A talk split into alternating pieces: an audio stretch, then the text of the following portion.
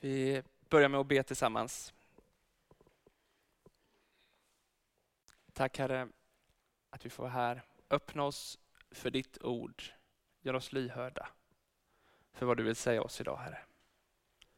Vi ber så i ditt eget namn. Amen.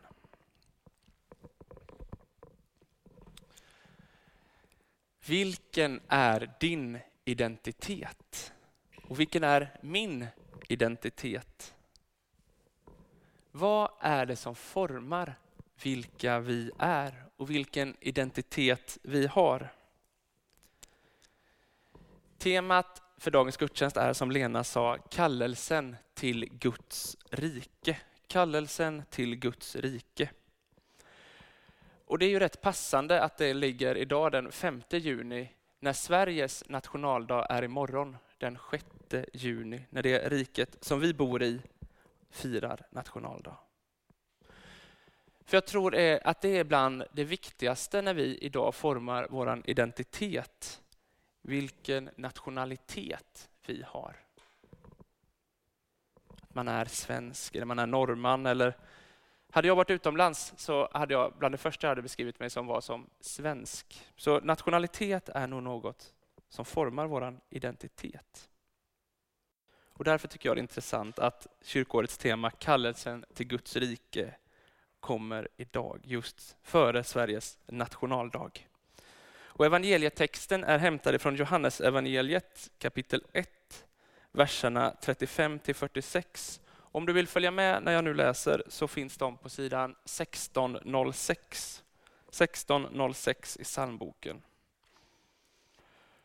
Och där står följande. Nästa dag stod Johannes där igen med två av sina lärjungar. När Jesus kom gående såg Johannes på honom och sade, där är Guds lamm. De båda lärjungarna hörde vad han sa och följde efter Jesus. Jesus vände sig om och då han såg att de följde honom frågade han vad de ville. De svarade Rabbi, vilket betyder mästare. Var bor du? Han sa, följ med och se. De gick med honom och såg var han bodde och stannade hos honom, he, hos honom den dagen. Det var sent på eftermiddagen. Andreas, Andreas, Simon Petrus bror, var en av de två som hade hört Johannes ord och följt, följt med Jesus. Han träffade sin bror Simon och sa till honom, vi har funnit Messias, vilket betyder Kristus. Han tog med honom till Jesus och Jesus såg på Simon och sa, du är Simon, Johannes son, du ska heta Kefas, det betyder Petrus. Nästa dag tänkte Jesus bege sig därifrån till Galileen. Då träffade han Filippos. Han sa till honom, följ mig. Filippos var från Betsaida, från samma stad som Andreas och Petrus. Filippos träffade då Natanael och sade till honom, vi har funnit honom som det står skrivet, som det står om i Mose lag och hos profeterna, Jesus, Josefs son från Nasaret. Natanael sade, kan det komma något gott från Nasaret? Filippos svarade, följ med och se.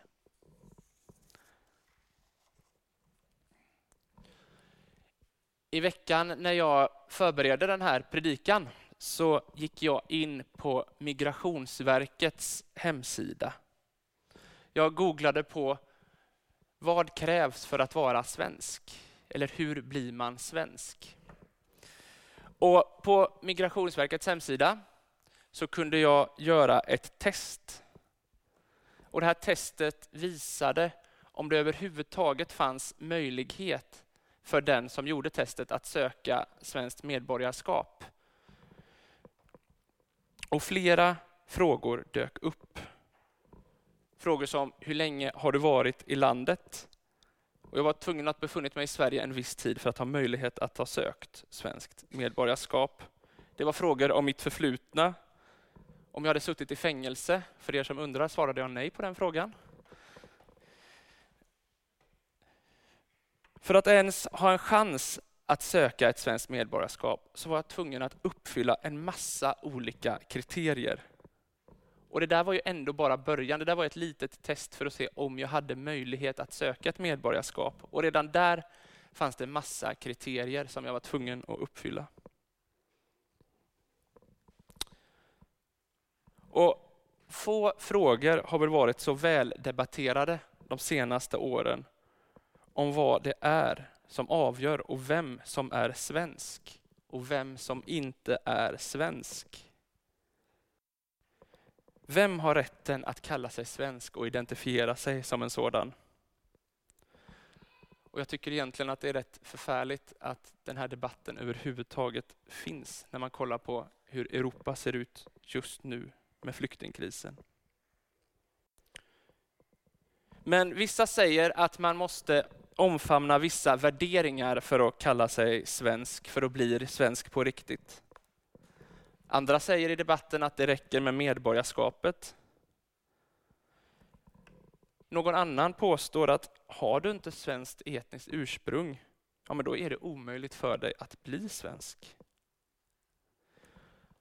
Dessa människor som eh, finns i den sista kategorin, de tar sig också ofta rätten att definiera vem det är som är svensk och inte svensk. Man tar sig rätten att definiera en annan människas identitet. Jag tror det är så att tillhöra en nation, det är viktigt för identiteten. För som sagt, skulle någon fråga mig vem jag är och var jag kommer ifrån, då hade jag ju sagt Sverige, jag är svensk. Det hade kommit rätt högt upp på den listan. Men det finns ju inte bara nationsidentitet eller nationstillhörighet. Det finns också en massa andra identiteter. Och ofta är det upp till var och en av oss att välja det själva. Och när vi försöker skapa vår egen identitet, då finns det en massa kommersiella intressen som gärna hjälper till, massa företag som hjälper oss att skapa vår identitet. Och vi får den identiteten genom att konsumera, genom konsumtion. Genom konsumtion av kläder, teknik, bilar, heminredning. Allt sånt skapar vår identitet. Vi visar upp den personen vi vill vara genom det vi söker eller genom det vi köper. Vi visar vilka personer vi vill vara genom det vi har på oss, kläderna, genom hur våra hem ser ut, genom vilken bil vi kör. De signalerna vi sänder utåt skapar också vår identitet och de vi vill uppfattas som.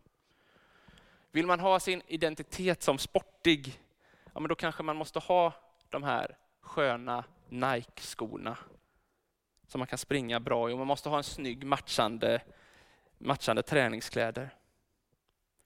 Vill man istället uppfattas som man har koll på mat och dryck och gärna vara lite kultiverad, ja, men då kanske man ska ha lite sådana här runda glasögon, kan vara bra.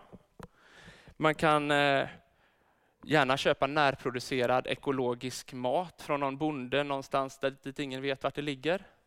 Man kan gärna ha koll på de senaste vinerna och ha dem liggande hemma. Då framstår man ju som lite kultiverad och har koll. Liksom.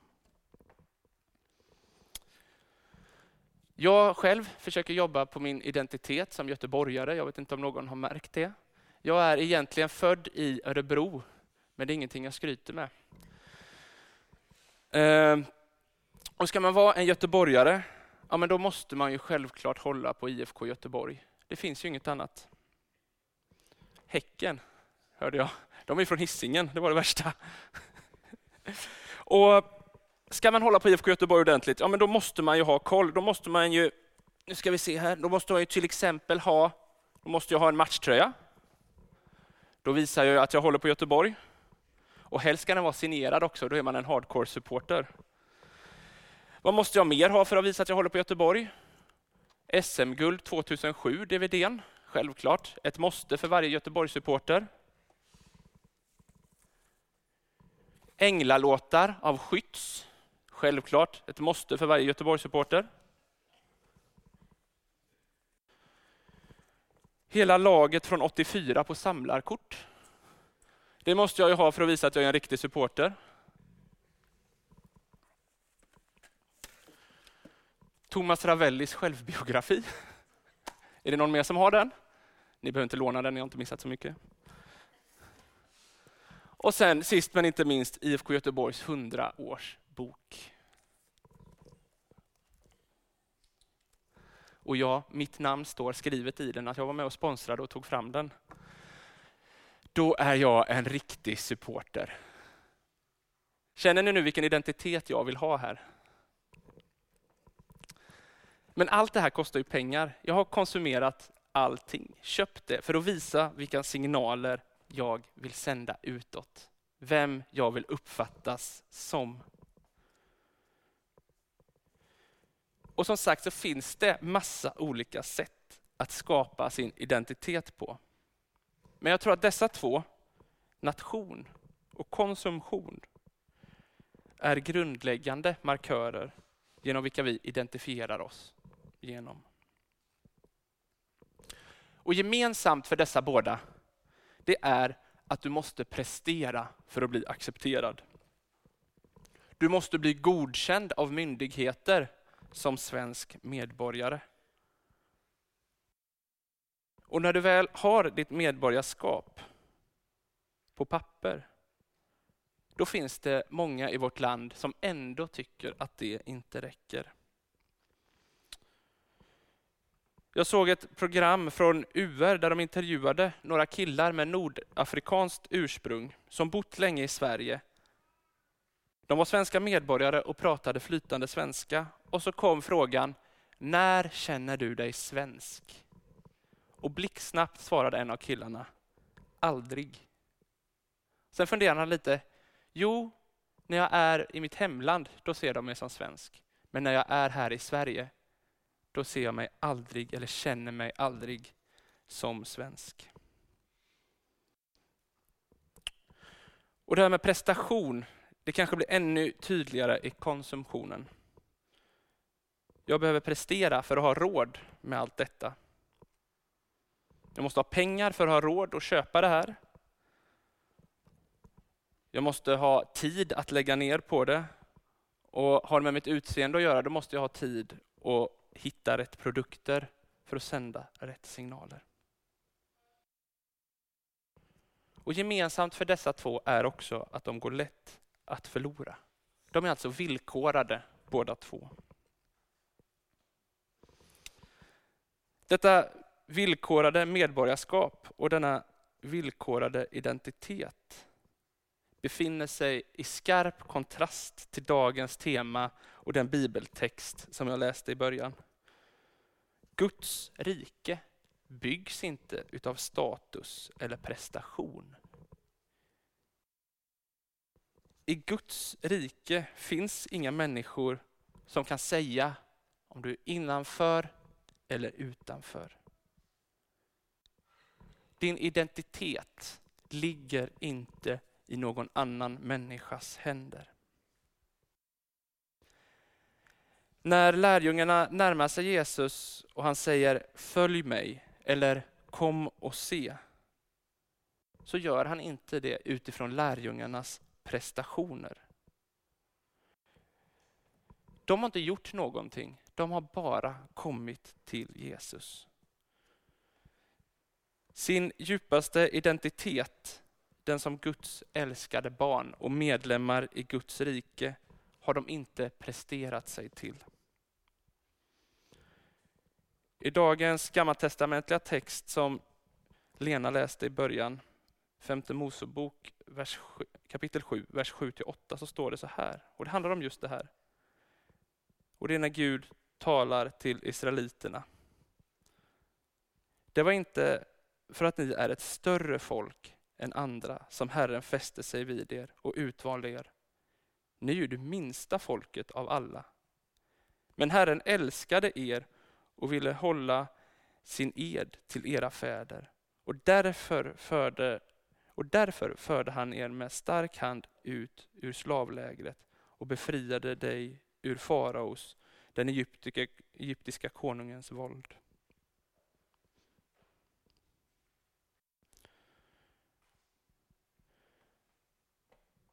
Denna kärlek som, till människan som Gud visar helt utan krav eller prestation är det djupaste inom kristen tro. Det är nåden. Det är nåden och den är relation till Jesus, inte prestationen till honom.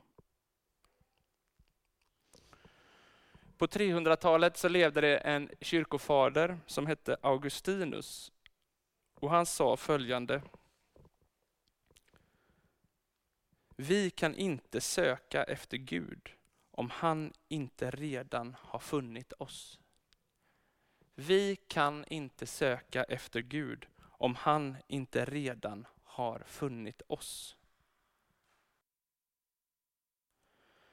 Guds kärlek är alltså inte villkorad. Vår djupaste identitet, den som Guds älskade barn och medlemmar i hans rike, den är gratis. Den är skänkt av nåd.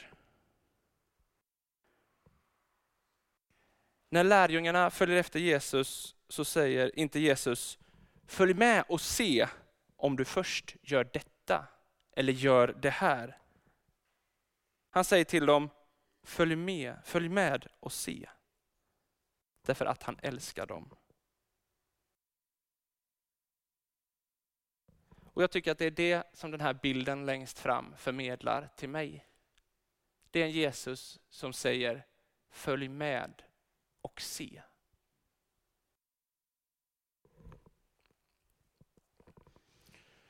Våra andra identiteter är villkorade och som sådana är de lätta att mista.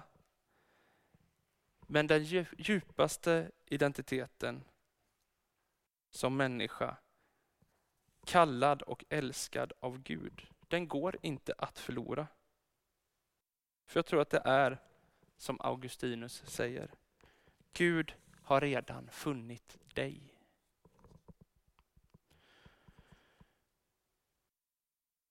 Och hur tar vi då emot den här kärleken? Den identitet som är gratis, när så mycket annat i vårt samhälle och runt omkring kostar idag och är villkorat. Det är inte lätt. Gud har kallat oss, dig och mig, att gestalta hans rike. Och jag tror att det riket ser annorlunda ut än andra riken. Kallelsen till Guds rike innebär att leva i gemenskap och relation med den levande guden. Han som älskar oss så mycket att han utgav sin enda son. Medborgarskapet och kallelsen handlar om att leva i relation till varandra i en gemenskap. Där vi får ta hand om varandra och be till Gud tillsammans. Då gestaltar vi Guds rike. Då blir vi ett vittne om en kärleksfull Gud. Och det handlar också om att leva i gemenskap, relation och solidaritet med den utstötte och fattige. Riket är gränslöst. Vilket Jesus visar när han kallar sina lärjungar. Och jag tänker, hur radikalt är inte det i dagens samhälle? Att prata om ett gränslöst rike.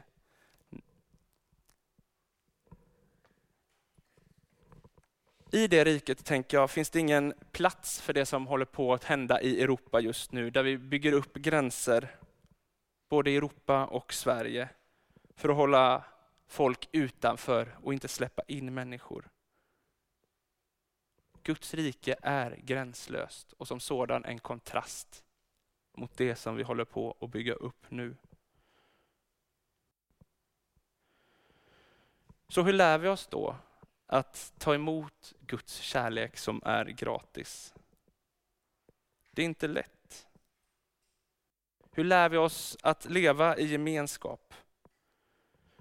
Hur kan vi svara ja till den kallelse som Jesus ger sina lärjungar i alla tider. Idag firar vi nattvard tillsammans. Den här måltiden är ett synligt uttryck för Guds nåd. Du är välkommen fram att ta emot utan att prestera. Måltiden är ett synligt tecken på att vi kristna hör ihop oavsett nationalitet eller övriga identiteter vi skapar oss. Det är ett synligt tecken på gemenskap. En gemenskap som är skänkt av nåd. Det är ett tecken på vår mest grundläggande identitet. Den som Guds älskade. Vid nattvardsbordet får vi sakta, sakta lära oss att svara ja på Guds kallelse till hans rike. Låt oss be tillsammans.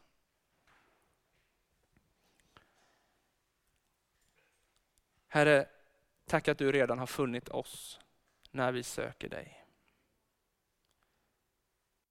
Herre, hjälp oss att hitta våran plats i ditt rike och hjälp oss att hålla det öppet.